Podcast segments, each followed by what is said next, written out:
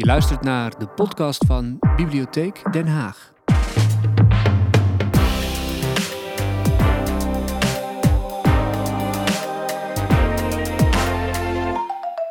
Dag allemaal, Eh, leuk dat jullie kijken. Ik ben Charlotte Nijs, ik ben politiek verslaggever.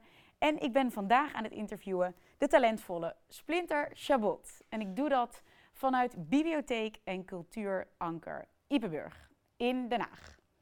Splint, Ja, Char. hi. Ja, we gaan, het leuk, we gaan een leuk gesprek van maken, We toch zitten niet? in een biep. Ja, heerlijk. Hoe vind je dat? Nou, ik moet, het, het gekke is, ik kwam binnen en ik eh, zag daar om de hoek een, een, zo'n bak staan waar je vroeger als kind ook naartoe ging, waar er allemaal van die prentboeken en zo in liggen. Ja. En ik zat te denken van, oh, dat, ben ik, dat heb ik lang niet meer gedaan. En vroeger, ik, eh, in Den Haag, ik woonde in Noorderhout, had je ook zo'n bibliotheek. En ik ging met de school altijd naartoe. Of als mijn, eh, als, wij, als mijn broertje en ik moesten wachten tot onze vader ons kwam ophalen op het schoolplein, gingen we ook altijd naar de bibliotheek toe.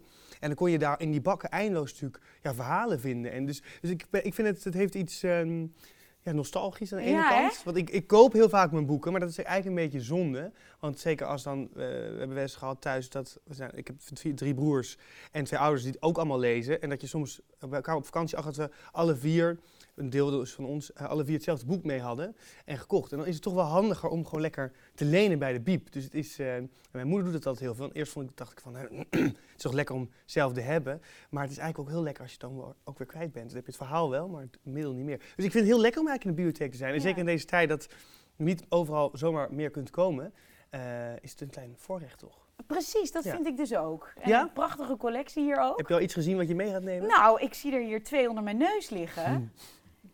Wat een goed bruggetje. Ja, Ja.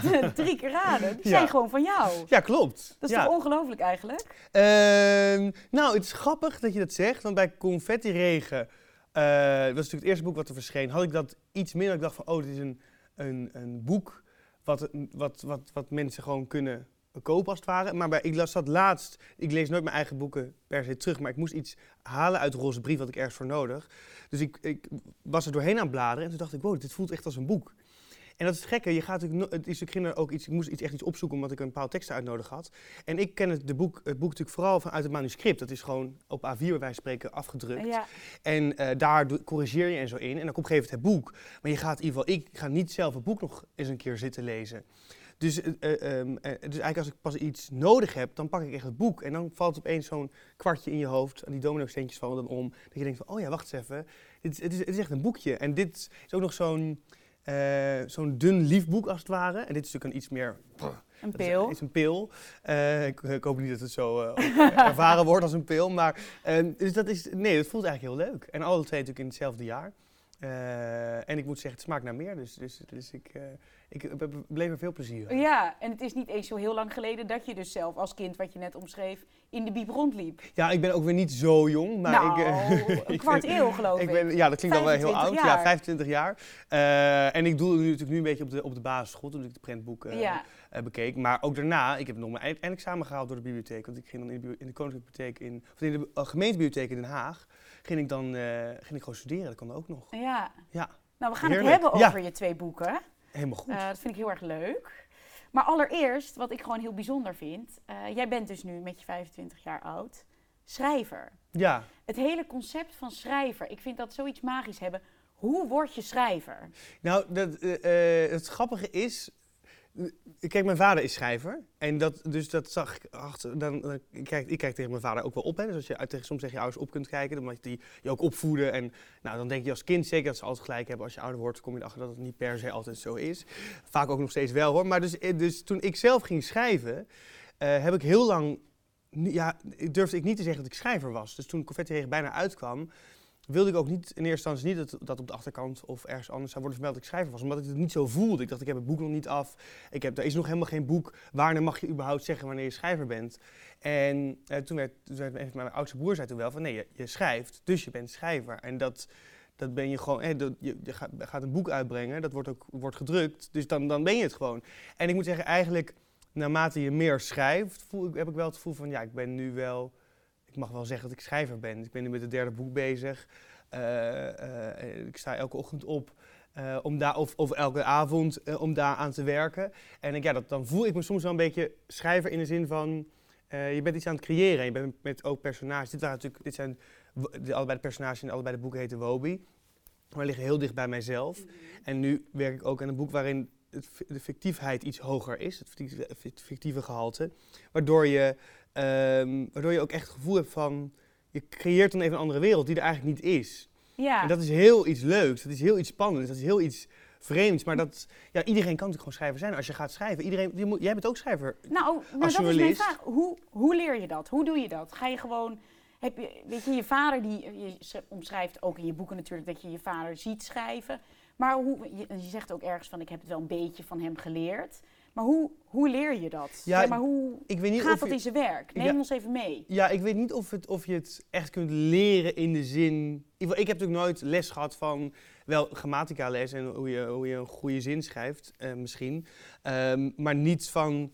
Ja, eh, zo ga je een plot twist in elkaar zetten. Hoe- Bij mij is het gewoon gebeurd. Ik heb, dus, dus ik, heb ik moet wel zeggen, toen ik op de basisschool zat, moest je zo'n opstel schrijven. Ja, daar had ik wel altijd veel plezier in. Want dan was altijd bij mij iets aan de lange kant, die, die, die teksten. Omdat ik gewoon lekker doorging in die fantasie. Dus dat ging op een gegeven moment ging het hoofd galopperen. En dan waren we een beetje de teugels kwijt. En dan kon ik gewoon lekker door natuurlijk. En dat vond de juf over het algemeen, zolang het handschrift lees, enigszins leesbaar was, wel oké. Tot op een gegeven moment dacht van, nou dan geloof ik het wel. Ik geef een krul en een sticker en dan is het goedgekeurd.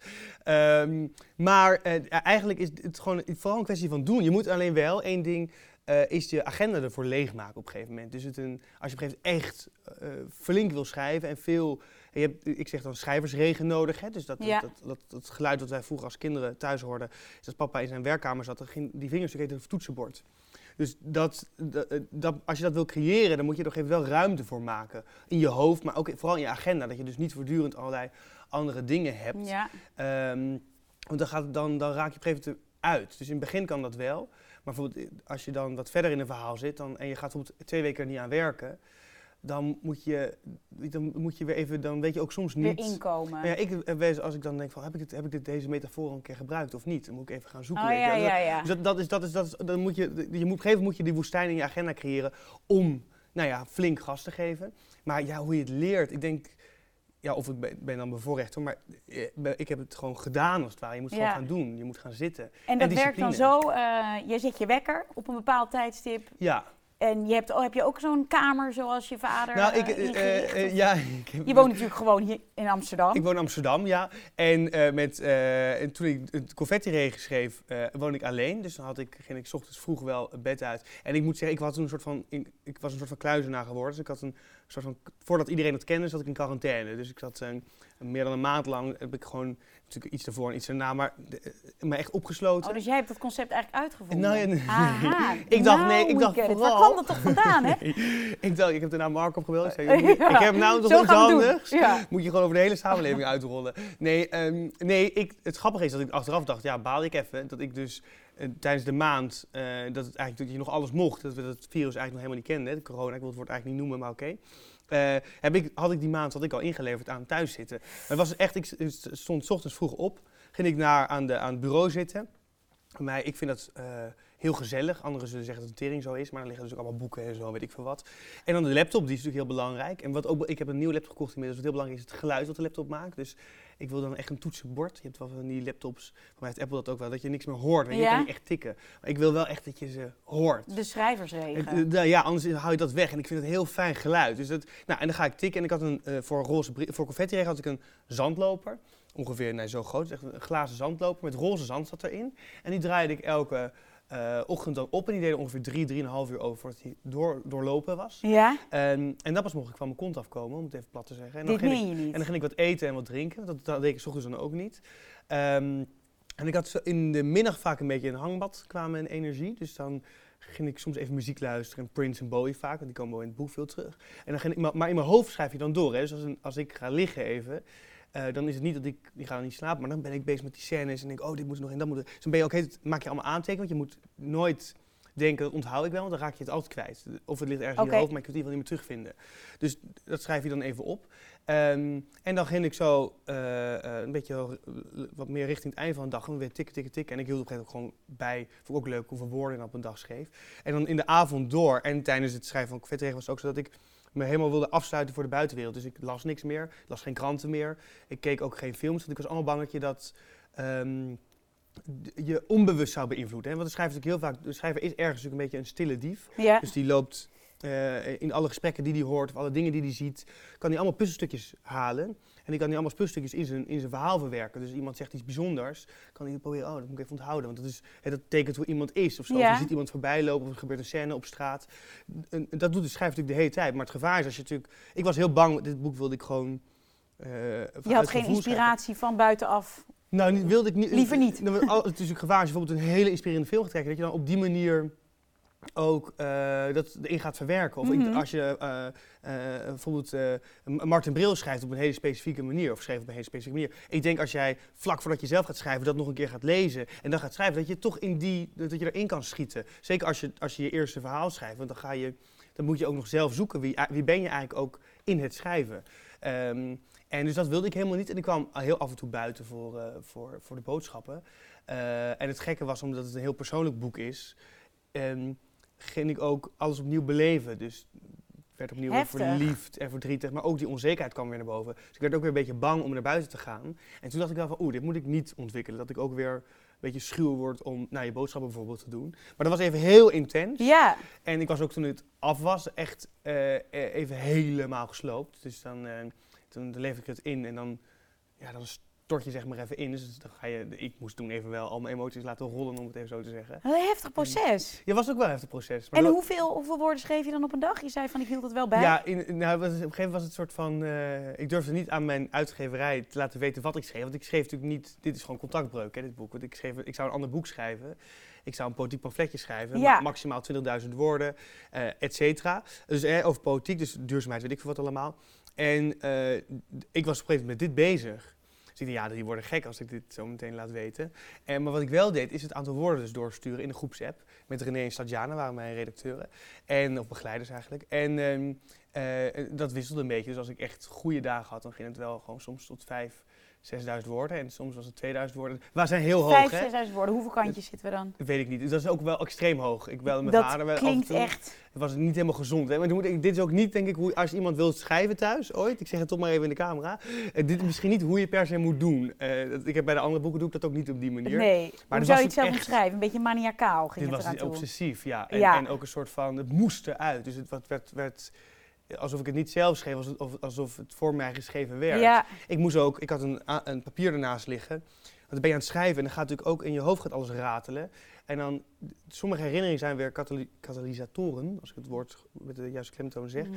eh, voor andere herinneringen. Waardoor ik, en dat, maar dat kon ik natuurlijk niet meteen verwerken. Dus dan gaat je hoofd sneller dan, dan, je, dan je handen. Dus schreef ik met een potlood soms op een papiertje naast, want dit moet ik ook nog uitwerken, dat moet ik ook nog uitwerken, dat moet ik ook nog uitwerken.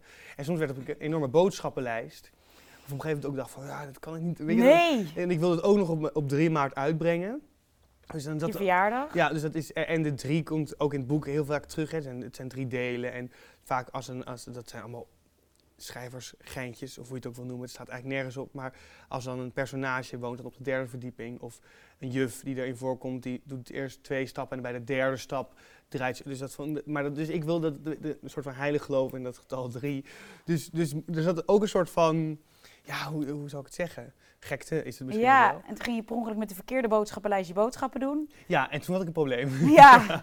was er wel heel leuk eten wat eruit kwam. Oh, wat heftig. Ik word wel helemaal moe als ik eraan denk. Ja? Ja. Hoezo? Nou, ik, ik heb het nu gelezen, maar als je, als je gewoon nu doorhebt van wat voor een effort en hoe dat proces ging, dat is echt wel Ja, maar, het is echt ook een aanslag op jezelf. ja, maar ook. ik vind het ook wel heel lekker als je dan helemaal uitgeput ervan raakt. En dat je dan, ja, ik, ik weet niet wat dat zegt over mij. Jij bent natuurlijk geen psycholoog, dus ik kan het gewoon vrij uitspreken. Maar Altijd. ehm, eh, ik, nee, ik vind het, vond het ook wel heel lekker, omdat je gewoon ook met één ding bezig bent en helemaal daarin.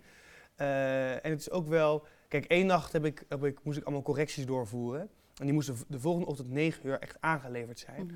En ik wist gewoon, ja, als ik ga slapen, dan red ik dat niet. Dus dan, ik had het eerst helemaal gelezen. Op papier, want ik wilde het echt papier lezen. Dat is ook belangrijk. Hè? Als je het op- op scherm leest op een gegeven moment, dan ga je overal over dingen heen lezen en het komt anders over op scherm. Ja. Je moet op een gegeven moment een boek op papier lezen. Eigenlijk moet je op een gegeven moment een boek in het, ook het formaat lezen dat het uitkomt, want het breekt zin op een bepaalde manier af en noem maar op. Dus dat, dat doet ook iets met de beleving. Nou, en toen had ik op papier al die correcties en die moest ik toen allemaal gaan invoeren. Toen heb ik dus s'nachts muziek aangedaan. Één en hetzelfde nummer, zodat ik een soort van trance zou komen. En toen tot zeven uur 's ochtends doorgewerkt. Goeiedag. En eh eh, Oh, het was wel af. schrijven Ja, dat. eigenlijk dat. Ja, zo, zo, was het ook een beetje. Ja, ik studeerde goed. ook nog, dus dat was lekker handig. Maar, Ja. ja. Maar eh, nee, het En, moest. en als je zelf in een, in een notendop het resultaat van deze eh, bijna onmenselijke daad eh, nou, wordt heel kan erg. omschrijven. Ik, ik ben ook, toen was ik ook jong, hè, dus het was ook niet zo erg. Maar, nou, dat ben je nog steeds. Hè. Laten we even niet. ik, ik beschouw mezelf nog als jong, dus dan ben jij het al helemaal. ja, ben je Oké, ook. laten ja, we even. ja, los daarvan. Ja, Het resultaat. Eh, Hoe zou je het zelf eh, in de notendop omschrijven? nou, ongelooflijk kutboek. Nee, nee, nee zeker niet niet. Nee, ik, ik ben, eh, nou, ik, wat ik, wat mijn voornemen was dat ik, eigenlijk het gaat over Wobi, een jongen die eigenlijk zoekt naar, eh, eigenlijk langzaam achterkomt wat hij leuk vindt. Eh, eh, qua, eh, eh, ook waar hij verliefd op wordt. En, en hoe dat, hoe, als je hele omgeving dat eigenlijk allemaal oké vindt, dus misschien je ouders of je broers, je vrienden, familie, je school, dat het nog steeds in je hoofd een heel ingewikkeld proces is. Dat het echt een wandeling is waarin je ook wiebelt en waarin het soms ook niet, niet duidelijk is waar de schaduw is en waar op een gegeven moment ook weer licht komt en hoe donker en hoe lang die is. Omdat je ook niet per se meteen het antwoord hebt. Ik zeg altijd het voorbeeld van, als je de gordijnen opentrekt, ochtends, dan weet je ongeveer wat voor weer het is. En dan weet je ook ongeveer wat je aan moet trekken. Maar dat is met de zoektocht naar op wie of wat je verliefd wordt, kan dat veel ingewikkelder zijn. En die gedachten die schieten ook heet het heen en weer. Hè. Die gaan, zoals als je met als een kind een stuiterbal heel hard in een wachtkamer of zo gooit, dan knalt die stuiterbal ook alle kanten op. Dat is ook wat je gedachten op dat moment doen. En dat geeft heel veel onrust en heel veel twijfel en onzekerheid. En eh, dat, eigenlijk wilde ik laten zien hoe dat proces in je hoofd eraan toe gaat. Ehm, en aan toe ging. En eh, hoopte ik uiteindelijk dat, eh, nou, dat, dat door het op te schrijven, dat er misschien jongeren zouden zijn die, want het is natuurlijk misschien een verhaal van Wobi, maar het is een verhaal van heel veel jongeren. En of je nou zoekt of worstelt met depressies of met e-problemen of met waar je verliefd op wordt of weet ik wat. Iedereen heeft natuurlijk zijn eigen worsteling en zijn eigen zoektocht. Dus het is ook voor iedereen herkenbaar. Ehm, ik dacht, als ik dat opschrijf, dan zullen misschien sommige jongeren eh, eh, die 12, 13, 14 zijn, eh, in het boek een stukje van hun eigen verleden lezen. Zal het ook een dagboek van het heden zijn, maar ook alvast een dagboek van de toekomst. En juist die dagboek van de toekomst kan natuurlijk echt een uit- uitgestoken hand zijn. Een zoeklicht bij het, bij, bij het wandelen of weet ik veel wat. En dat dacht ik daarvoor, nou dat wilde ik graag doen. Ehm, en je weet natuurlijk niet, en al is het maar één iemand die je me helpt, hè, daar, gaat het eigenlijk om. Als één iemand daardoor, en dat kan nu zijn, dat kan over tien jaar zijn, over tachtig jaar zijn, die daardoor stiekem, stiekem onder zijn dekbed het leest en daardoor iets meer ademruimte voelt, dan was ik al heel blij. En eh, wat ik natuurlijk niet had verwacht is toen het boek verscheen, dat ik tot op de dag van vandaag van jongeren eigenlijk die berichten krijg. Dat ze er dus iets aan hebben en dat ze daardoor dingen durven of omdat ze om advies vragen of om als ze thuis zijn gaan praten en dat ook ouders het zijn gaan lezen. Precies. Dus dat is Het is eigenlijk... niet alleen bij jongeren gebleven. Nee, ook docenten zijn het in, bijvoorbeeld in de klas gaan behandelen. Ja, Eh, om ofwel een gesprek op gang te brengen, ofwel omdat ze wisten dat een van de kinderen aanwezig, als het op de basisschool is, of een van de jongeren als het op de middelbare school is, eh, ermee worstelen. Maar ze wilden dan niet iemand zeggen van, jij moet dit boek even lezen. Nee, deze klassikaal om dat op gang te brengen. Ehm, of het is op leeslijsten gezet. Dus dat, dat, dat had ik echt eh, eh, totaal niet verwacht. En ook, ik kreeg ook berichtjes van dat eh, bijvoorbeeld oma's of, of ouders het aan, aan kinderen cadeau deden. En huisgenootjes. Dus er was een keer een, een, een meisje op mijn bericht stuurde en die zei dat ze het boek voor een van de huisgenootjes had gekocht die toen op reis ging. gewoon voor een werkreis, maar dat kon toen ook nog. Had ze het stiekem in de tas gedaan. En toen, twee dagen later, werd ze opgebeld. En dat had ze die jongen huilend aan de telefoon.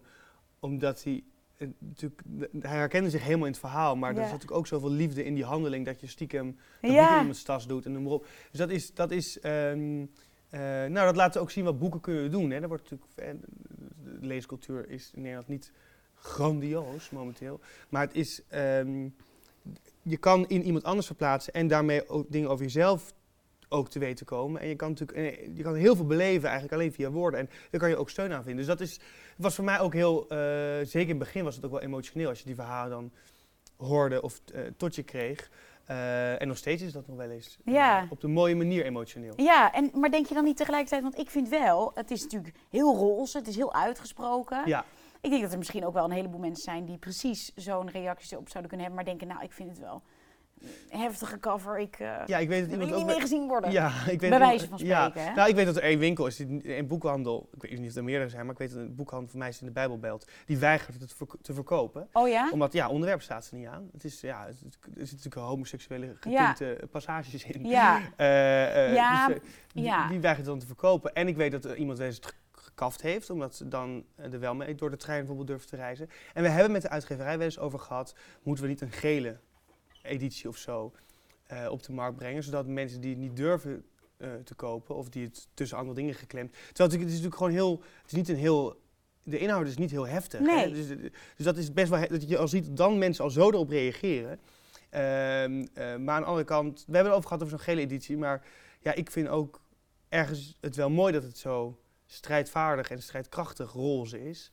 Ehm, maar we hebben daar, ja, daar zijn wel gesprekken over en misschien dat het ooit wel gebeurt. Ja, Eh, er komt ook- een film aan, dus het kan zomaar zijn dat het met de filmeditie er iets verandert. Als er een filmeditie komt, dat weet ik ook allemaal niet, maar stel Nee. dat. Dus, ehm, eh, maar het, gekke is dat je daar, ik denk met heel veel boeken heb je dat gesprek niet, maar met dit boek gek genoeg wel. ja.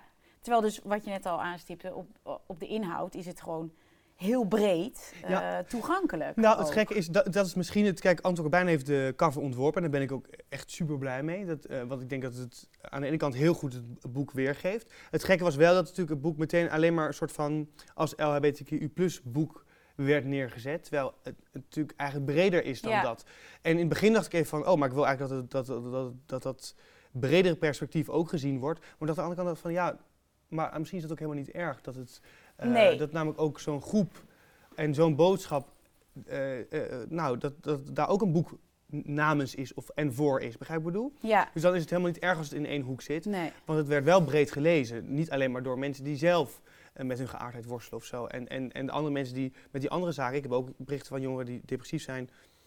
berichten gekregen. Die zich er ook in herkenden. Of die met e-problemen zaten en zo. En die, er zit ook een, zit een deel in over de grijze mist. Hè, die soms de kleur uit je leven weg, kan halen. En een soort ja, kan wurgen. Ja, dat, dat, dat is natuurlijk veel universeler dan... eh, dan ehm, Ja, want we gaan in jouw boek nemen, worden we inderdaad ook door die mist meegenomen. Maar het begint eigenlijk al. Het is eigenlijk een opbouw ook eh, door jouw leven heen naar het moment dat je het echt ook eh, aan je ouders eh, met kerstavond eh, dan hebt verteld. Dat je Mhm. op jongens eh, valt. valt. En dan, ik vind het mooi eraan, in het begin jouw eh, omschrijvingen die je hebt over je nog hele vroege jeugd, die zijn super gedetailleerd. Ja. Weet je dat allemaal nog? Ja, ik, ja, dat is grappig dat je het zegt, want die vraag krijg ik wel eens vaker. Maar ik weet gewoon nog heel veel van mijn jeugd. Ik weet niet hoe dat komt. Heb jij zoveel gedronken in je jeugd, Charles? Nou, je eh, ik ben vroeg begonnen, maar eh, ik weet niet of Nee, het ja. zo vroeg was. Nee, ik, ik zit te denken... Maar kijk, dingen die natuurlijk indruk op je maken... eh, die worden natuurlijk gewoon een beetje getatoeëerd in je hoofd. Dus dat is... en ik denk dat... ehm, ik op dat moment natuurlijk niet zo goed begreep wat er gebeurde. Maar eh, als kind wel het, het, het, iets door had. Begrijp ik bedoel? Er zit natuurlijk een verschil tussen. En later begrijp je pas... Hè, er zit een verhaal over plastic plakkoorbellen. En dan wordt, wordt, wordt Wobi of ik wordt dan daarover uitgelachen door jongens uit de, uit de hogere klasse. En Wobi doet die oorbellen af. En kijk, op dat moment heeft misschien dat kind niet door van oorbellen zijn alleen voor meisjes. Dat voel je natuurlijk later. Be- begrijp je opeens waarom er zo op gereageerd wordt. Net zoals dat in de eerste en tweede klas van de basisschool het helemaal geen probleem is als jij in een prinsessenjurk naar school komt. Maar dat je dat in groep 8 op een gegeven moment niet meer doet. En dat komt omdat je dan... hè, eerst voel je dat er iets en dan pas ga je begrijpen. Van, oh, oh dit, dit is blijkbaar niet de bedoeling. En zo, dat ontwikkelt zich er natuurlijk door. Hè. Dat zijn de, hè, op papier mag het namelijk allemaal wel. Ja. Ik, ik had hier ook in een prinsessenjurk heen kunnen gaan. Nou, ik zat bij jou in de auto, dus dan was het ook, hadden we geen problemen gehad. Maar als ik, eh, ik moest met, de fiets naar jou toe komen. Als ik in een prinsessenjurk naar jou toe was gefietst, weet ik zeker dat ik opmerkingen had gehad. En ik durf ook er vergif op in te nemen dat ik ook vervelende opmerkingen had Ja. gehad. Dus dat betekent, op papier heb je het recht wel. Maar het zijn de onzichtbare wetten, die ook in het boek voorkomen, die natuurlijk die eigenlijk nog veel krachtiger zijn. Dat wat eigenlijk geen papieren wet nodig heeft, maar gewoon wordt uitgevoerd bij gratie van interactie en bij gedrag, dat is natuurlijk eigenlijk veel krachtiger en hardnekkiger. Want die, kan, die, die wetten worden uitgevoerd zonder dat er überhaupt een wet voor is. Dat, dat, die kunnen heel bedrukkend en, en, en be- vernauwend en benauwend zijn. Ehm, Dus toen was het eigenlijk ook al eh, je omgeving, waardoor je ook al wel aanvoelde van... En het waarschijnlijk dus ook extra hebt opgeslagen. Ja, ik denk dat ja. Ja. En, en, en eh, gek genoeg, ik had het ook, ook heel erg leuk op de basis en de middelbare school. Maar er is natuurlijk ook heel veel gebeurd. Dus ja, gek genoeg, ja, dat is mij in mijn hoofd gewoon heel erg goed blijven zitten. Maar Ja. ik ben andere dingen natuurlijk weer vergeten. Hè? Dus dit zijn alleen maar dingen die ik wel heb onthouden. Ja, precies. En op de middelbare school omschrijf je ook eh, de hele periode daar. Eh, het komt natuurlijk ook in een bepaald milieu. Nou, hier wel in Den Haag. Ja. En, en hoe zou je omschrijven dat het milieu of de school waar je op zat invloed heeft gehad op hoe je het hele proces hebt doorgemaakt? Nou, ik zat op VCL, het Vrijzinnig Ja. Lyceum eh, in Den Haag. Eh, en ik, ik heb, moet zeggen, het was een hele leuke school. Hè? Dus ik heb daar ook heel erg leuk gehad. En er waren allemaal buitenschoolse activiteiten. Het is natuurlijk ook een, een wat eh, kakineuze school, als ik het heel vriendelijk zeg. En ik, ik bedoel, ik heb zelf cricket en paardrijden gezeten en op viool spelen. Dus het etiket kakker ontkom ik volgens mij ook niet helemaal aan.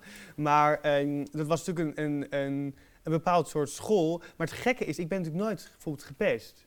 Eh, eh, of gekke, of Wobi is nooit gepest. Dus, dus ehm, sterker nog, er was één jongen, Daniel, die natuurlijk ook uitgebreid in het boek voorkomt, die op een gegeven moment eigenlijk wist eh, hoe, het, hoe het zat. En eigenlijk een soort elke keer zo'n handuitreiking, even een handreiking deed van vertel het nou maar, het is niet, het is niet erg. Nou, dat is natuurlijk heel moeilijk, want als jij iemand eigenlijk heel erg leuk vindt en nou ja, dat je elke keer denkt, is het nou vriendschap, is het nou verliefdheid en daar helemaal van verward raakt. En zo iemand zegt, zeg nou maar gewoon wat er is. Ja, dan ben je natuurlijk zo bang dat als je het dan wel zegt, als hij dan natuurlijk in zijn blik iets verandert of dan zegt, oh jeetje, dan, dan, gaat, dan ga je natuurlijk helemaal, bedoel, je krijgt al, je voelt dat er iets Ja, breekt krijg er voor helemaal het buikpijn van als je ja, voor ja. het überhaupt al gebeurt. Dus dit is, dat is natuurlijk zo angst, de angst om, om daar bekreukeld of zoiets te raken. Dus dat, dat, dat, eh, dat doe je dan niet. En maar wat ik, ik had natuurlijk heel veel vriendinnen eh, op de middelbare school. Ja, en die, ja, die, die waren er eigenlijk heel goed in. Die waren een soort van, ja, ik weet niet of ze een gehoorschade over hebben gehouden, maar daar kon ik gewoon elk eindeloos ook duizend keer hetzelfde verhaal vertellen. Ja. En die begrepen het wel. De, ik denk van als je zelf zo iemand bent die eh, iemand naar je toe komt om iets te vertellen. En, en ik vertel natuurlijk maar kleine puzzelstukjes van de werkelijkheid. Hè, dus niet, Mhm. niet alles. Eh, maar dat was gewoon om mezelf een beetje lucht te geven. Dus als die een beetje van het verhaal vertel, en die een beetje van het verhaal, die een beetje van het verhaal. Weet niemand hoe het echt zit. Die praat natuurlijk ook met elkaar, dus ik kon het gewoon Ja, uiteindelijk wist het hele je- leger overal Ja, van. inderdaad, vriendinnenleger, ja. Maar, eh, maar voor je eigen gevoel geeft het de veiligheid van, ik heb nog steeds de waarheid. Ik ben de Ja. enige die conclusies kan trekken. Ik ben de enige die het hele verhaal kent. En het geeft heel veel aanruimte als je natuurlijk af en toe iets kwijt kunt, als je wel iets kunt vertellen. Dus die, die vriendinnen zelf, toen ze het boek gingen lezen, hadden ze helemaal niet door wat voor een belangrijke rol ze daarmee eigenlijk vervulden. Sterker nog, toen ze het eerst het eerste verhaal hoorden, dachten ze, oeh, we hebben het wel goed gedaan, hebben we wel, zijn we er wel genoeg geweest. En toen kwamen ze achter van, ja, alleen al door te luisteren en door af en toe iets te vragen, kun je al heel veel daarin doen. Want dan kan iemand, anders blijven al die gedachten in je eigen hoofd rondstormen. En dat druppelt dan natuurlijk helemaal door en lekt helemaal door in je hele lichaam. En dan gaat iemand helemaal in, in een visuele cirkel kan die, eh, ja, komen te zitten en daar verkneld in raken. Terwijl elke keer als je natuurlijk, zoals een ventiel waar te veel lucht in zit, als je even, ontsnapt er wat lucht en dan kan er weer, is er ook weer bewegingsruimte. En dat kan praten natuurlijk ook zijn. Ja, Of schrijven trouwens, maar ja. contact blijven. En later ga je naar Amsterdam. Ja. En dan eh, gaat de hele mannenwereld echt open. En dan begin je dat ook prachtig te omschrijven.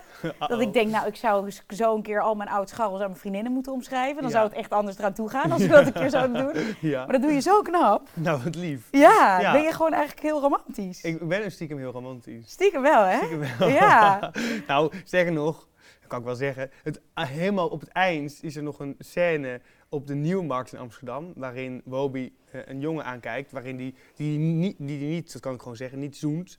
Omdat hij ziet dat in de ogen van die jongen nog grijze mist is. Ja, Eh, en de- dat stuk is natuurlijk ook geschreven om het verhaal mooi af te maken en rond te maken. Ik, ver- ik verraad niks aan het verhaal hiermee hoor, dus je kan het gewoon nog helemaal lezen. Maar ehm, eh, het grappige is dat ik die, dat die scène er ook een beetje in heb gezet als een soort van flirt richting die jongen. ja. En ik had het niet tegen hem gezegd, maar ik wist wel dat hij het ging lezen. Eh, eh, en, en ja, dus dat is, dat is natuurlijk een heel vergaande manier van flirten. Eh, en uiteindelijk, bedoel, we zijn vrienden Zo nu. romantisch. Maar zo, vind Oh, je? is niet op de lijn gekomen. Nee, wel, wel. We zijn heel close, maar eh, en, en dus nee, we, we delen niet het bed als je dat expliciet wilde weten. Maar, nee, niet specifiek, maar bedankt voor Ja, de informatie. Ja, voor ik zie ook denken, ik vertel jou veel te veel. Ja, Af, volgende vraag. Nou, hoe gaat het met de mannen nu? Mm. Zo. Gaat het nee, ja, nee. Eh, nee, ik, maar ik heb natuurlijk een... een, nee, nou, het gaat goed hoor, maar op een, op een andere manier dan je... Kijk, het is corona, dus ik kan Ja. niet uit. Nee. Dus het is wat dat betreft iets rustiger. Ja. Maar ik, eh, eh, ik, heb, nee, ik heb een grote fantasie. En ik ben, nee, ik ben heel gelukkig, dus Oké. in grote lijnen. Ja, maar er komen niet nu, nu je ook een befaamd schrijver aan het worden bent, veel mensen op de lijn. Nee, sterker nog grappig eigenlijk. Ehm, want is- je krijgt natuurlijk wel eens berichtjes, maar dat zijn natuurlijk jongeren vaak die eh, door het boek jou heel erg hebben leren kennen. Of denken jou heel erg hebben leren kennen. Eh, en ik vind het heel belangrijk om daarmee heel voorzichtig om te gaan. Want zij, het is, ik, ben, ik, ik, zal niet, zeggen- dat ik een rolmodel ben, maar ze hebben er soms iets aan.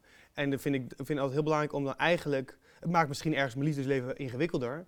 Omdat als ik uitga op de reguliers, toen het nog kon, en iemand komt naar jou toe van, eh ook heb je boek gelezen, ik vond het heel leuk, eh, eh, en ik wil even zo'n ja, zo'n praatje maken, dan ga, zou ik daar nooit mee gaan flirten. Omdat ik denk, dat vind ik, voelt dan ongepast voor mij. Begrijp je wat ik Ja. bedoel? Ook omdat je in de ogen van de ander ben je dan de schrijver, dus je wordt ook een beetje wat die ander ziet, als je begrijpt wat ik bedoel. En je bent natuurlijk, dit is, dit, ook dit gesprek is een deel van wie ik ben, en het boek is een deel van wie ik ben, maar... ehm, jij weet ook hoe ik op andere momenten Ja. kan zijn, zeg maar. En dat is ook allemaal. eh, en dat kan als iemand een bepaald heel sterk beeld van jou heeft, gevormd door een boek of weet ik veel wat, dan eh, voel je dat beeld en dan is het heel moeilijk om daar eigenlijk aan te ontsnappen. Dus, dus dat maakt het soms ingewikkeld. Ja, hoe gaat dat dan nu? Als je nog een keer met iemand al wel afspreekt of zo, ben je dan... Of Eh, gebeurt dat dan gewoon nu helemaal niet? Het gebeurt nu, dus nu, nu is het rustig. Oké. Maar ik, ik, ik heb dierbare relaties waar, waar ik veel plezier uit haal en inspiratie. Voor mij is inspiratie ook heel belangrijk. Hè? Ja. Soms is de verleiding belangrijker dan de, de verhandeling zelf. ja, precies. Dus we lezen gewoon de We updates in ik ben, eh, ik ben bezig met een. Ja, nee, ik ben zeker. Ja. Nou ja, eh, laat ik het zo zeggen. Ehm, eh, het volgende boek zal, is niet een vervolg op dit boek. Maar er zal, daar zal. Mag ik helemaal niet zeggen volgens mij. Maar dat kunnen we altijd nog uitknippen. Ja, tuurlijk. Nee, er zal wel een, een, een- Ik werk ook aan een soort van vervolg. Aha.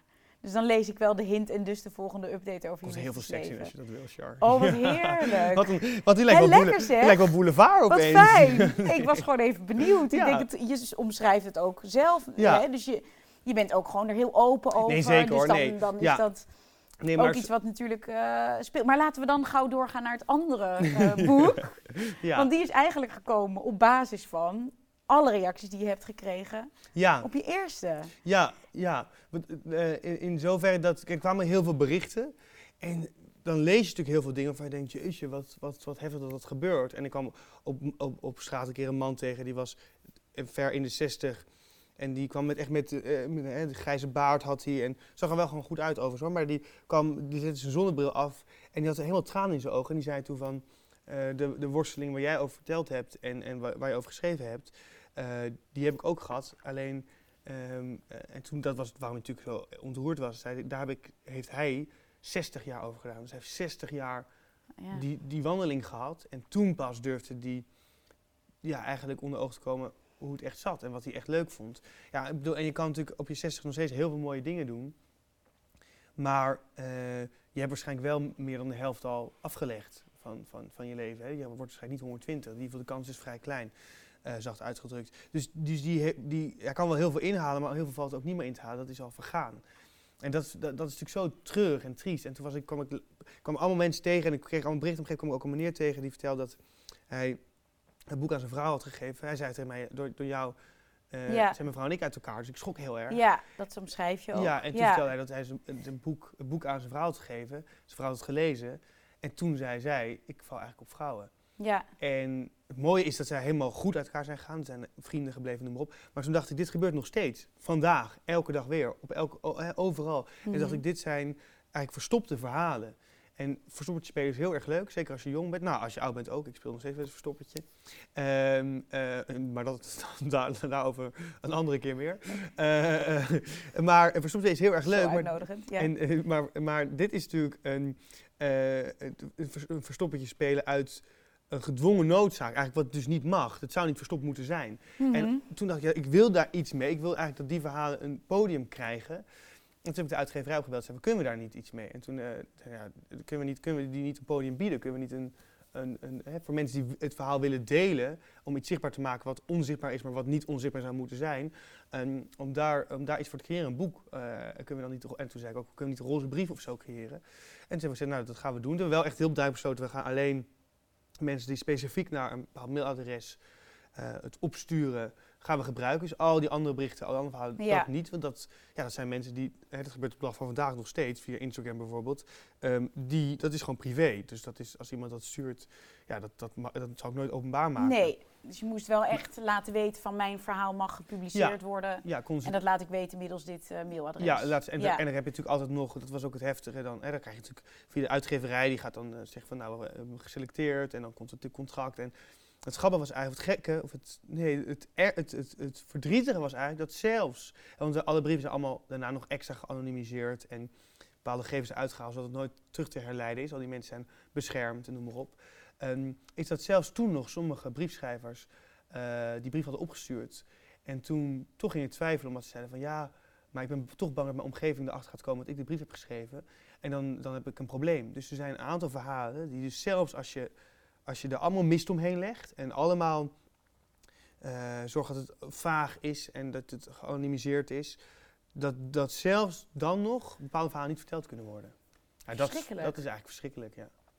Maar goed, gelukkig is er wel nog genoeg materiaal Nee, zeker. overgebleven. Ja, nee, we hadden, ik had wel, het had, had drie keer zo dubbel, zo dik als confetti kunnen zijn. Alleen hebben we gekozen om uit elk verschillende hoeken een, eh, om ook behapbaar te houden en om goe- goede inkijk te krijgen, uit verschillende hoeken een brief eh, te pakken. Dus niet drie keer eh, of niet acht keer van een moeder die haar zoon of dochter of, of kind op een goede manier begeleidt, maar dan bijvoorbeeld één of twee, weet je wel.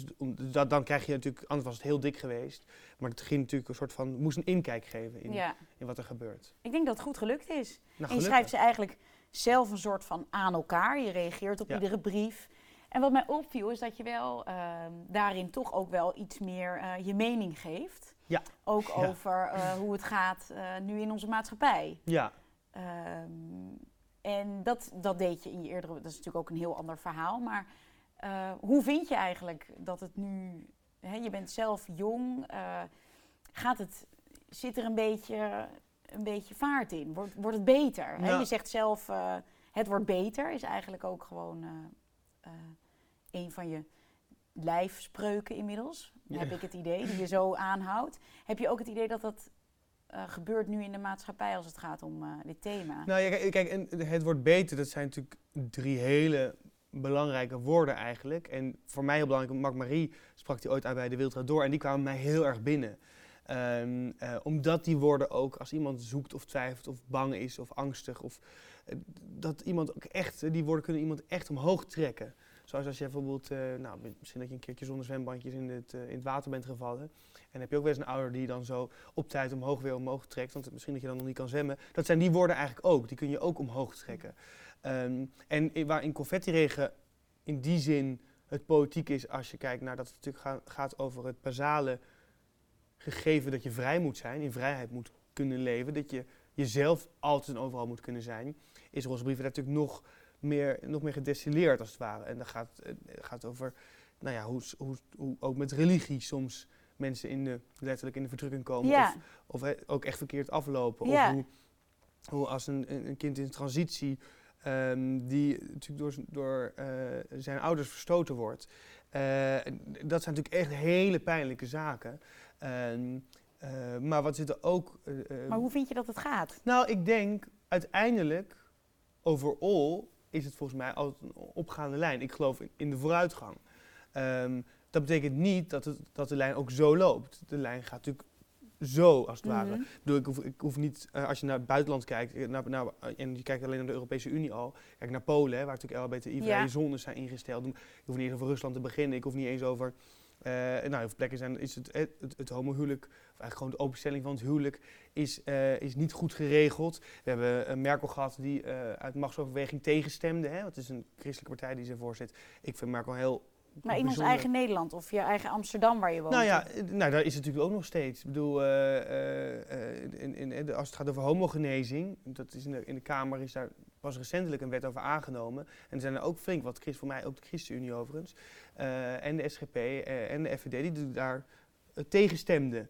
Ehm, even dubbel checken de, de feiten overigens hoor. Maar dat, als je, dus er zit, er, zit, er zit een soort van Uh, nou, de, bijvoorbeeld de ChristenUnie, een regeringspartij, die heeft nog steeds uh, in hun, op hun site staan dat ze nog steeds vinden dat het huwelijk tussen man en vrouw moet zijn. En ik, heb daar, ik weet dat omdat ik het heb opgezocht, omdat toen Arie Slop over die verklaring wat je op scholen wel niet mag, een kind mag opleggen, of iemand wel of niet homoseksueel mag zijn, of je dat wel, die waarden en normen, toen wilde hij me bellen om daarover te hebben dat hij het anders had bedoeld en dat hij zelf ook mensen kent die geworsteld hebben met geaardheid. Zeg ik, ja, en zei van, het, wij vinden iedereen gelijkwaardig. Zeg ja, maar het voelt niet gelijkwaardig als jij op je site zegt dat een man en een vrouw samen horen te trouwen. Dan voelt het naar mij niet gelijkwaardig als ik ooit met een man zou willen trouwen. dat voelt alsof je daar, dat, voelt alsof je, alsof je ons niet als gelijken ziet en alsof je daar anders tegenaan kijkt. Um, dus dan denk ik, ja, voeg, je, voeg woord bij daad. En dan kan het zijn dat je achterban misschien conservatief is dan jij zelf bent, dat je zelf progressiever over denkt. Maar het, daar zou het helemaal niet over gaan. Het gaat over mensen, het gaat over liefde. Als als, ik ga zo antwoord geven op je vraag trouwens. Maar um, uh, kijk, als, als er discussies over, als we dingen als moord veroordelen, of over, als diefstal of geweld, dat gebeurt overal in de hele wereld, um, dan begrijp ik maar dat je liefde veroordeelt. Dat gewoon twee mensen gelukkig zijn samen. Uh, en uh, met een kus of met een zoen of weet ik veel wat, dat je daar een probleem van maakt, dat je dat problematiseert. Dan denk ik, ja, hoe, hoe, hoe kan dat? Hoe, hoe, hoe, is dat mogelijk? En ik, ik denk dus wel dat het goed gaat, dat we steeds verder gaan. Uh, ook als je kijkt naar voorbeeld, ook in de Nederlandse politiek, Vera Bergkamp. Ehm, Bergkamp is achternaam toch? Zeg ik ja. goed? Ja, even, even, D66, ja. Kamerlid. Kamerlid valt op vrouwen. En nou, dat is helemaal geen issue eigenlijk. Hè. Dat is gewoon, maar dat is natuurlijk wel een rolmodel ja. alsnog. En zij is nu Kamervoorzitter geworden. Is Kamervoorzitter. Ja. In het kabinet zitten um, uh, meerdere kabinetsleden met een LBTIQ plus achtergrond. Er zijn fractievoorzitters die dat, of fractievoorzitters die ook in het verleden die uit de roze hoek zijn. Dus maar tegelijkertijd is Arie Slob nog steeds demissionair wel, maar onze minister voor Onderwijs. Ja, maar kijk, nee, natuurlijk zit het natuurlijk, um, er gaat ook heel veel nog niet goed. En als ik in over straat loop in, een van mijn roze jasjes, dan weet ik gewoon als ik de deur uitga, dat ik opmerkingen naar mijn hoofd ga krijgen. Ja, en dat, uh, ik ben dan iemand... In een stad als Amsterdam. In een stad als Amsterdam. Waar, waarvan we pretenderen dat dat allemaal... Ja, dat het de meest vrije stad ja. van Nederland is, op zijn minst. Ja. En uh, het, het probleem daarbij is, kijk, ik doe dan soms als ik... Soms denk ik dan, doe ik het jasje niet aan, ik heb gewoon geen zin in. Maar aan de andere kant denk ik, ik moet het wel doen. Want als ik het niet doe, wordt het nooit en normaal. Dat, eh, en als, als, als, als vrienden van mij bijvoorbeeld een keer elkaar niet een kus geven, omdat ze bang zijn voor de reactie, denk ik, je moet het elke keer wel doen. Waarom? Omdat, ik geef altijd het voorbeeld, stel dat jij uh, in een stad woont, of in een dorp, en naast je komt een drag queen wonen. Dat is iemand die zich uh, als, als soort van activisme en performance helemaal als een vrouw aankleedt als drag. Uh, dat is prachtig overigens. En um, als je dat de eerste dag misschien ziet, en je ziet jouw buurman als drag weggaan, dan denk je, jeetje, wat is dit nou? Dat zou kunnen. Uh, ik zou dat misschien niet denken. Ik zou denken, feestelijk en leuk. Maar, dat zou, maar als je dat elke dag ziet, als je dat op een gegeven moment na twee, drie jaar elke dag hebt gezien, dan valt het je niet meer op. Dan nee. wordt het helemaal normaal. Iets wordt pas normaal als je het heel vaak ziet. Als het gewoon gebeurt, als het gewoon aanwezig is. Uh, dus elke keer als je natuurlijk elkaar niet een hand vastpakt of niet een kus geeft, dan ontneem je ook dat beeld erop. Dus dan, en eigenlijk denk ik dan, ondanks dat ik weet dat ik die, kutreacties krijg, als ik het even heel plat zeg, denk ik, laat ik het maar wel doen. Want dan kunnen misschien mijn, klein, of mijn kinderen of mijn kleinkinderen in weer een grotere vrijheid opgroeien. En dat is ook als ik met andere jongeren over heb, van doe het wel. Want dan, misschien dat wij het nooit zullen ervaren dat het helemaal weg is. Maar een paar generaties na ons kan dat misschien wel zo zijn. En ik heb niet de illusie dat ik dat nog mee ga maken. Nee? Maar ik hoop, nee, dat, nee, natuurlijk niet. Nee, absoluut niet. Dat is toch ontzettend droevig? Ja, maar dat is, uh, ja, maar dat is, uh, ik vind dat zo, voor mij is het natuurlijk zo, ik ben er zo bewust van. Ja. Dat ben je natuurlijk, het is heel anders als je natuurlijk uh, opgroeit met het, met het feit dat je weet dat andere mensen daar problemen mee hebben, of het anders vinden, of je erover gaan uitschelden, of dat je in een bepaald land, ik ben in Servië geweest, er werd mij geadviseerd om niet TG te doen. Uh, want dan heb je gewoon problemen daar. Uh, en de ambassade, ambassade, waar we daar kwamen, die zei, de, de, de NAVO is daar alles behalve populair. Uh, nou, om verschillende redenen. Zeiden ze één ding wat nog minder po populair is dan de NAVO, en dat is homoseksuelen. Ja, dan, dan, moest je dus, er werd echt geadviseerd om dus dat niet op, op straat te laten zien. Ja, dat, dat, daar, en, dan weet je, en dan voel je dus ook meteen wat onvrijheid is. Want als je toen politie zag staan, dacht ik ook van ja, die gaat mij niet helpen. Eh, als er iets gebeurt. Dat voel je gewoon meteen. Ja, en dat, dat, dat, dat, dat, dat, dat leer je, zeg maar. Je weet dat je dus daar... eh, bedoel, als mijn broers naar ehm, Singapore toe willen gaan of naar Tanzania... kunnen ze gewoon erheen gaan met hun vriendin, zowel drie vriendin.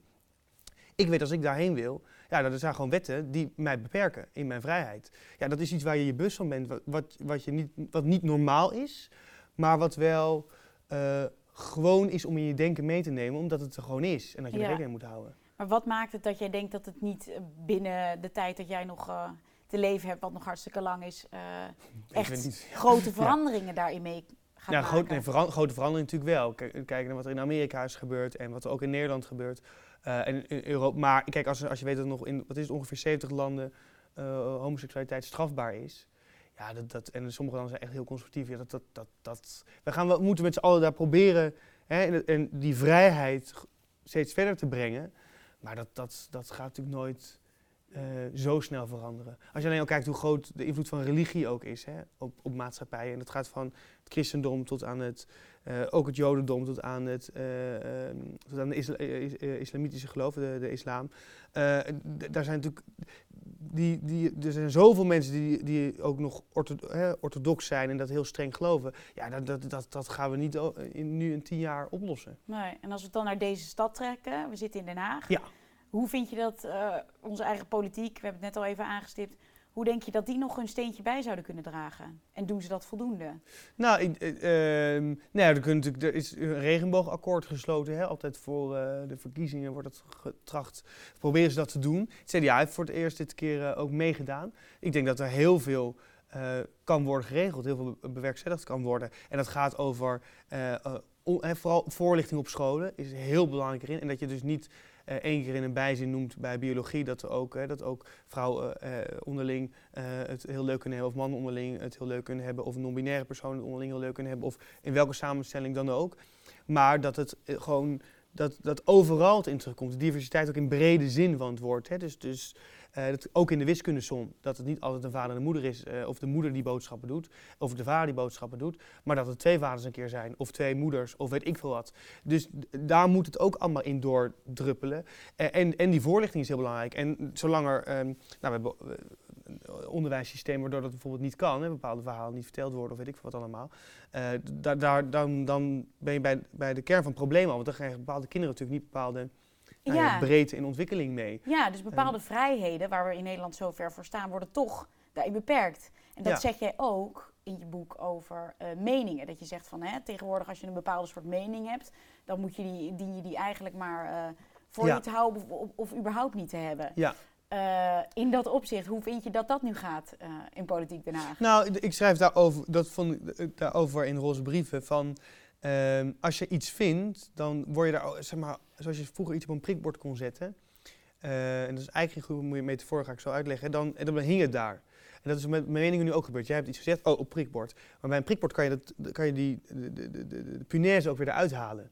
En dan kan je misschien een andere mening weer ophangen, omdat je misschien van inzicht verandert. En het grappige is dat we, of het grappige, het, het, het jammere is eigenlijk dat we in Nederland een soort van situatie zijn gekomen. Waarbij het lijkt als je één keer A zegt, dat je altijd A moet blijven vinden.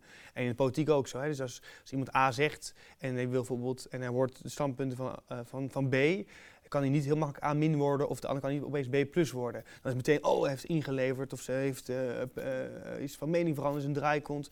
En dat vind ik heel moeilijk, want er zit bijvoorbeeld een brief in van een vader die een, een, een, vroeger ook dacht van, nou ja, we, doen, we doen wel moeilijk, we staan niet zo aan. En toen kwam zijn dochter, vertelde aan eh, hem dat hij op, op, op, op meisjes viel. En toen dacht hij op, opeens van, oh wacht, ik toen was hij ook verkeerd op gereageerd, had hij ook spijt van en noem maar op. En, dan, en toen vond ik eigenlijk vond ik heel mooi, want die laat zien dat hij een proces doormaakt. ehm, eh, en dat hij daar anders over is gaan denken. En dat is het belangrijkste, dat je die flexibiliteit in je hoofd houdt. Hè? Dat je Ja. als jij iets vertelt en ik hoor nog een verhaal, nog een verhaal, dat ik ook denk van, oh, ik dacht eerst, ehm, eh, ik dacht eerst dit en nu hoor ik dat en dat en dat. Nou, misschien dat ik eigenlijk toch wel dit vind. Of toch wel, kijk naar de Pieten-discussie. Eh, en ik wil ja, maar in niet- Den Haag gaat dat dus niet, hè? Nee, dat zou wel moeten. Ja, Ik hoop maar misschien... goed, dan heb je wel eh, altijd miljoenen mensen aan je broek hangen.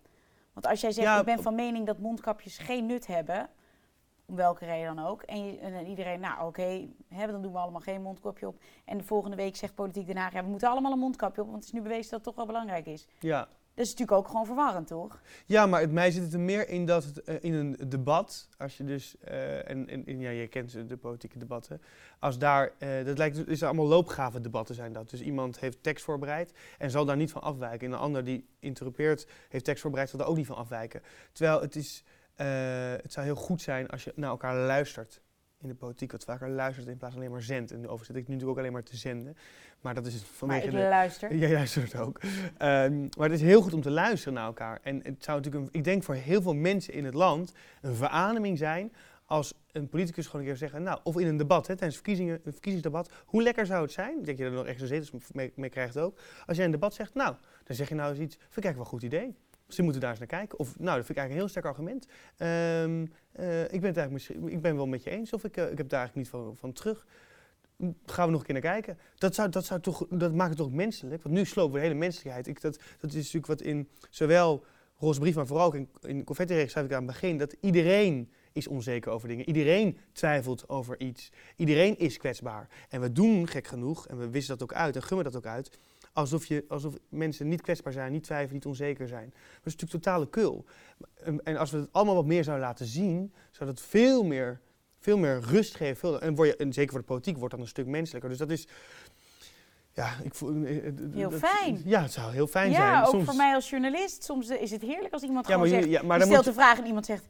Ik heb geen idee. Ja. dan ben ik helemaal van me apropos. Maar ik denk ook, en ik weet dat. denk ik, nou wat, oh, wat lekker zeg. Ja, ja en ik dat denk bestaat. dat. Ik, ik vrees wel, en dat is ook natuurlijk ingewikkeld, er zit ook een visuele cirkel, dat natuurlijk een deel van de journalistiek zal dat meteen uit, uitmeten als kijk verlies. Ja, en kijk tuurlijk. Nee, het, het systeem ja, werkt wat dat betreft dat zichzelf helemaal in de hand. Ja. ja.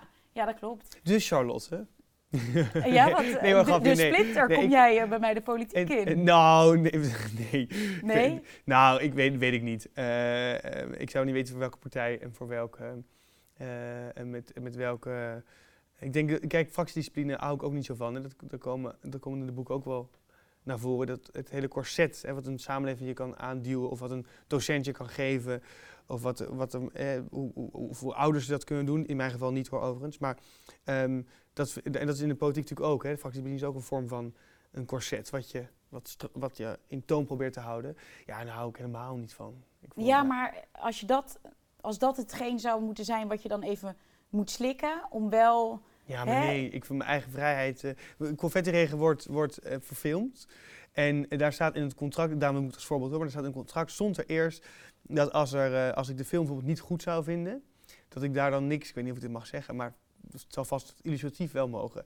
Um, en dat ik dan daar niks over mocht zeggen. En toen heb ik gezegd van, nou, ik zal, als ik het niet goed zou vinden, en ik weet zeker dat dat niet gaat gebeuren, want Michiel van Erpen filmt dat ik, ik vind zijn werk altijd zonder uitzondering fantastisch. En ik weet dat hij het heel erg goed gaat doen. In ieder geval heb ik alle vertrouwen in. En ik zit er natuurlijk ook uh, enigszins bij, dus dat scheelt ook. Maar uh, in ieder geval voor als, als ik bezig zou denken, hoe, wat gebeurt hier nou? Ja. Maar dat gaat niet gebeuren, weet ik zeker. Even aflopen. Um, is dat ik zei van, ik, ik, zal er, ik zal nooit negatief, heb ik helemaal geen zin om negatief over te uiten. Maar ik wil gewoon symbolisch niet dat je dat contractueel staat dat je iets niet mag zeggen. Ik zal het niet doen, maar ik wil dat, het, dat, het, dat, het, dat het niet okay. staat. En dat vind ik met politiek ook. Als, als het tegen mij wordt gezegd, jij mag dat niet zeggen, of je moet dit standpunt uitdragen, ja, dat, dat, dat, dat ik ga toch niet, ik bepaal zelf wel wat ik wel niet zeg. Dan wordt het lastig. Ja, weet, ja, ja. ja maar dat, komt, dat is een fout van het systeem. Hè? Dat, is dat klopt, dat klopt. Dat zou veranderd moeten worden. Ja, maar aangezien veranderingen een tijdje gaan duren, dat is waar. Uh, heb ik begrepen dat jij waarschijnlijk dus niet uh, binnenkort nee, hier uh, nou, binnenkort. op een andere vorm Sowieso in Den Haag pas, te vinden bent. Als het goed is, zijn de verkiezingen pas over vier jaar. Of als het niet goed is, of misschien dat je ze liever eerder wilde. Hangt een beetje af wat, wat, wat je van de huidige situatie vindt. Ehm, maar, um, dus sowieso is die vraag nu ook niet in de orde. Nou, maar je laat de deur wel een keertje open. Ik laat, ja, maar ja, omdat ik toch, ik ben 25. Ik, als stel ik nou 50 word, of 60 of 70 uh, mag ik leiden? En dan, dan kan toch, ik weet toch nooit hoe mijn leven nee. over 10 jaar of 15 nee. jaar eruit ziet? Nee. Oké, okay, dan nemen we het korter. Vijf jaar. Ja, ja, nee, kom, Char. Nee, dat is kijk, leuk. Wat, wat had, ben je van plan? Nee, ik had, toen ik, als je drie, drie jaar geleden mij had gevraagd of ik een boek zou schrijven, ja? had ik ook, ja, nee, niet zo mal gezegd. Terwijl nu is, is een van de dingen die ik het liefst doe eigenlijk. Ja. Dus, en over, wat ik over drie jaar doe, nou, ik hoop uh, ik heb natuurlijk het Splinter... Drie lievelingsgetal? Ja, drie. Ik, ja. ik, heb natuurlijk Splinter gemaakt, de, de, de talkshow over NPO 3 op de zondag. Uh, ik hoop dat dat iets uitgebouwd kan worden, weet ik nog niet. Dat is nog even spannend. Um, en ik, uh, ik ben nou, bezig met het nieuwe boek, wat volgend jaar uitkomt. Dus ik hoop dat dat in ieder geval lezers zal vinden of Ja? de bibliotheek zal vinden. Nou ja, bij Ehm. het eh, hoekje expliciet heb ik begrepen.